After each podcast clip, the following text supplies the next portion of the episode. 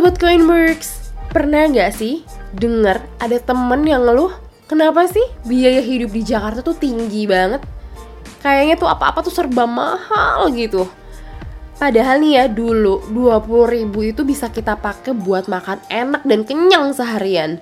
Tapi kalau sekarang hmm, harga tuh naik 2 sampai 3 kali lipatnya loh daripada itu. Padahal kalau misalkan dibilang gaji kita kecil ya sebenarnya nggak juga sih ya. Teman-teman pernah ngerasain hal yang sama nggak sih? Jujur, kalau saya pribadi nih, saya memang ngerasain hal itu karena basicnya saya tuh anak rantau. Saya ngekos di Jakarta karena saya malas masak sendiri nih. Alhasil setiap hari saya tuh harus membeli makanan di luar.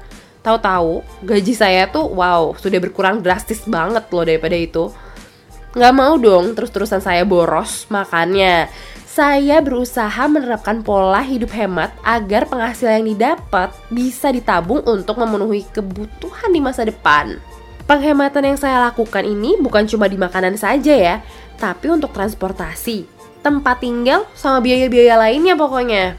Ya lumayan nih, penghematan yang saya lakukan bisa bikin saya hidup enak dan nyaman di Jakarta. Yuk dengerin podcastnya sampai habis, soalnya saya pengen bagi-bagi tips hidup hemat di Jakarta.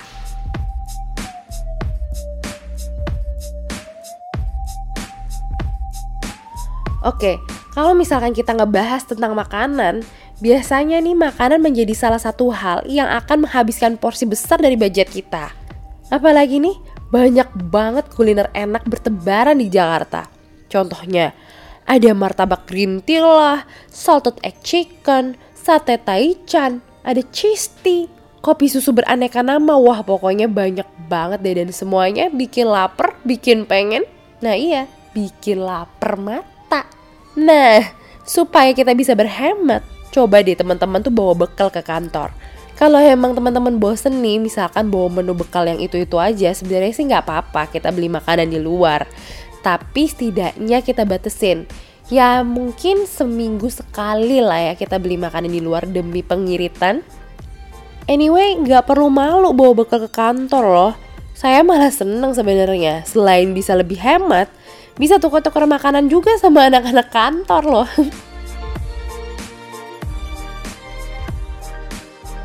Selanjutnya nih ya, soal transportasi. Ini merupakan pos pengeluaran yang perlu dihemat juga loh teman-teman.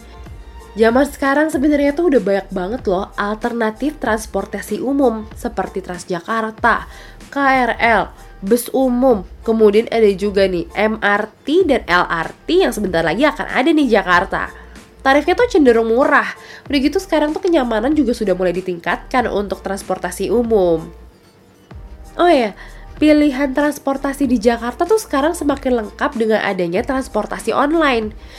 Nah, karena kebetulan saya ngekos deket kantor, setiap harinya saya pergi pulang tuh jalan kaki. Tapi sih sebenarnya kadang-kadang saya suka juga naik ojek online sih kalau misalkan udara tidak memungkinkan atau misalkan saya sedang capek banget untuk jalan kaki. Dan saya juga memanfaatkan loh promo-promo ojek online. Lumayan banget loh untuk penghematan kita. Nah, kalau misalkan teman-teman nih ya rumahnya jauh dari kantornya, coba deh naik komuter lain. Enak kok nyaman sekarang.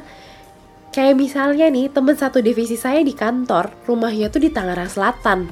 Sedangkan kantor saya tuh berada di Jakarta Selatan. Nah, biasanya nih dia selalu naik KRL dari stasiun Rawabutu dan turun di stasiun Palmerah. Terus dia lanjut deh naik ojek online. Ongkos pulang pergi setiap harinya tuh dia hanya menghabiskan 20 ribu rupiah aja loh teman-teman. Nah, coba dibandingin kalau misalkan teman-teman bawa kendaraan sendiri nih. Kita tuh harus bayar bensin, bayar parkir, belum lagi kalau misalkan kejebak macet di jalan. Wah, pokoknya pengeluaran tuh bakal lebih banyak lagi daripada itu kan.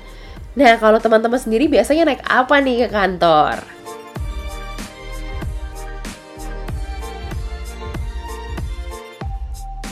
Selanjutnya, yuk kita ngebahas masalah tempat tinggal. Untuk teman-teman yang kos nih seperti saya, pilih deh kosan yang harganya terbilang cukup. Cukup tuh sebenarnya dalam artian nih di kosan tuh sudah tersedia kasur, udah ada lemari dan pendingin ruangan. Untuk fasilitas lain yang sebenarnya nggak terlalu urgent kayak wifi atau TV kabel bisa diakalin loh dengan cara lain. Misalnya memanfaatkan fasilitas dari kantor atau menggunakan paket data yang udah ada nih. Kalau misalkan emang harus banget nih menggunakan internet karena tuntutan pekerjaan utama atau sampingan, sebenarnya nggak ada masalah sih menyewa kosan lengkap dengan fasilitas wifi dan TV kabel, asalkan nggak mengganggu arus keuangan ya. Toh sebenarnya uang yang dihasilkan bisa juga untuk nama pemasukan ya kan? Nah, teman-teman juga bisa nih menggunakan tempat kos hanya sebagai tempat istirahat pada malam hari. Nah, sementara itu nih ya, kita mengisi kegiatan di tempat lain pada pagi sampai sore hari. Nah, di usia muda kayak kita nih teman-teman, kalau misalnya kita ingin mencapai kesuksesan, yang harus kita lakukan tuh sebenarnya adalah mencari berbagai peluang, koneksi, serta ilmu sebanyak mungkin loh. Dan memilih tempat kosan dengan fasilitas standar akan sangat membantu kita dalam menghemat budget loh teman-teman. Nah, poin terakhir yang satu ini nih berhubungan banget nih dengan gaya hidup teman-teman. Sebelum saya memberikan tips, mau tanya dulu deh sama teman-teman. Dalam seminggu ini teman-teman biasanya berapa kali ini beli kopi di kafe? Jujur ya teman-teman, kalau saya pribadi nih, saya sering banget loh kemakan promo buy one get one lah, diskon 50% lah. Akhirnya rame yang dibeli sama anak-anak kantor lainnya. Nah, kalau misalkan teman-teman mikir nih ya, biasanya suka ada yang berpikir kayak gini nih. Loh, kalau misalkan ada promo kayak gitu bukannya bisa menghemat budget ya? Nah, itu tuh emang sih sebenarnya bisa, tapi kalau misalkan kita terus-terusan nih memanfaatkan promonya, bukannya itu malah bikin kita semakin konsumtif ya? Tiap ada promo, beli. Ada promo lagi, beli. Hayo, coba deh. Cek dompet masing-masing. Ada berapa nih struk kopi yang kita beli? Kalau semuanya di total, wah jangan-jangan tuh ya totalnya tuh bisa buat bayar cicilan nih. Yuk teman-teman kita tuh biasain hemat, hemat, hemat Pokoknya kita tuh jangan mudah tergiur sama promo yang lagi diadain di restoran, coffee shop, e-commerce, ataupun toko online. Sebenarnya nih ya membeli makanan atau benda-benda yang kita inginkan tuh nggak masalah. Tapi kita juga harus perhatiin nih arus keuangan kita kayak gimana. Jangan sampai lebih besar pasak daripada tiang. Apalagi nih perempuan kayak saya, wah seneng banget belanja. Ya kan, teman-teman pasti juga suka kayak gitu kan. Tapi saya sadar kalau misalkan saya harus hidup hemat. Nah, sebelum saya belanja, biasanya tuh saya cari tahu dulu nih, musim-musim di mana kebanyakan brand akan mengeluarkan diskon besar-besaran untuk produknya. Biasanya nih ya, diskon besar-besaran tuh suka diadakan ketika menjelang lebaran, hari besar, atau akhir tahun. Gak lupa, saya juga menetapkan budget dulu nih. Ya katakanlah sekitar 500 ribu deh ini tuh batasan yang harus saya patuhi. Syukur-syukur kalau misalkan belanjanya tuh nggak sampai 500 ribu. Jadi masih ada nih sisa untuk saya simpen. Nah, coba deh alternatif lain kita belanjanya online. Karena biasanya nih belanja di toko online tuh lebih murah daripada di toko offline. Tapi ingat, jangan sampai nih ya teman-teman kebablasan belanjanya karena diskonnya usahain deh mulai dari sekarang tuh beli barang yang memang benar-benar dibutuhin. Jangan cuma sampai lapar mata aja. Karena kalau misalkan kita sampai terjebak nih dengan lapar mata kita yang ada nih ya barang yang kita beli tuh nggak kepake. Sayang kan kita cuma buang-buang uang aja?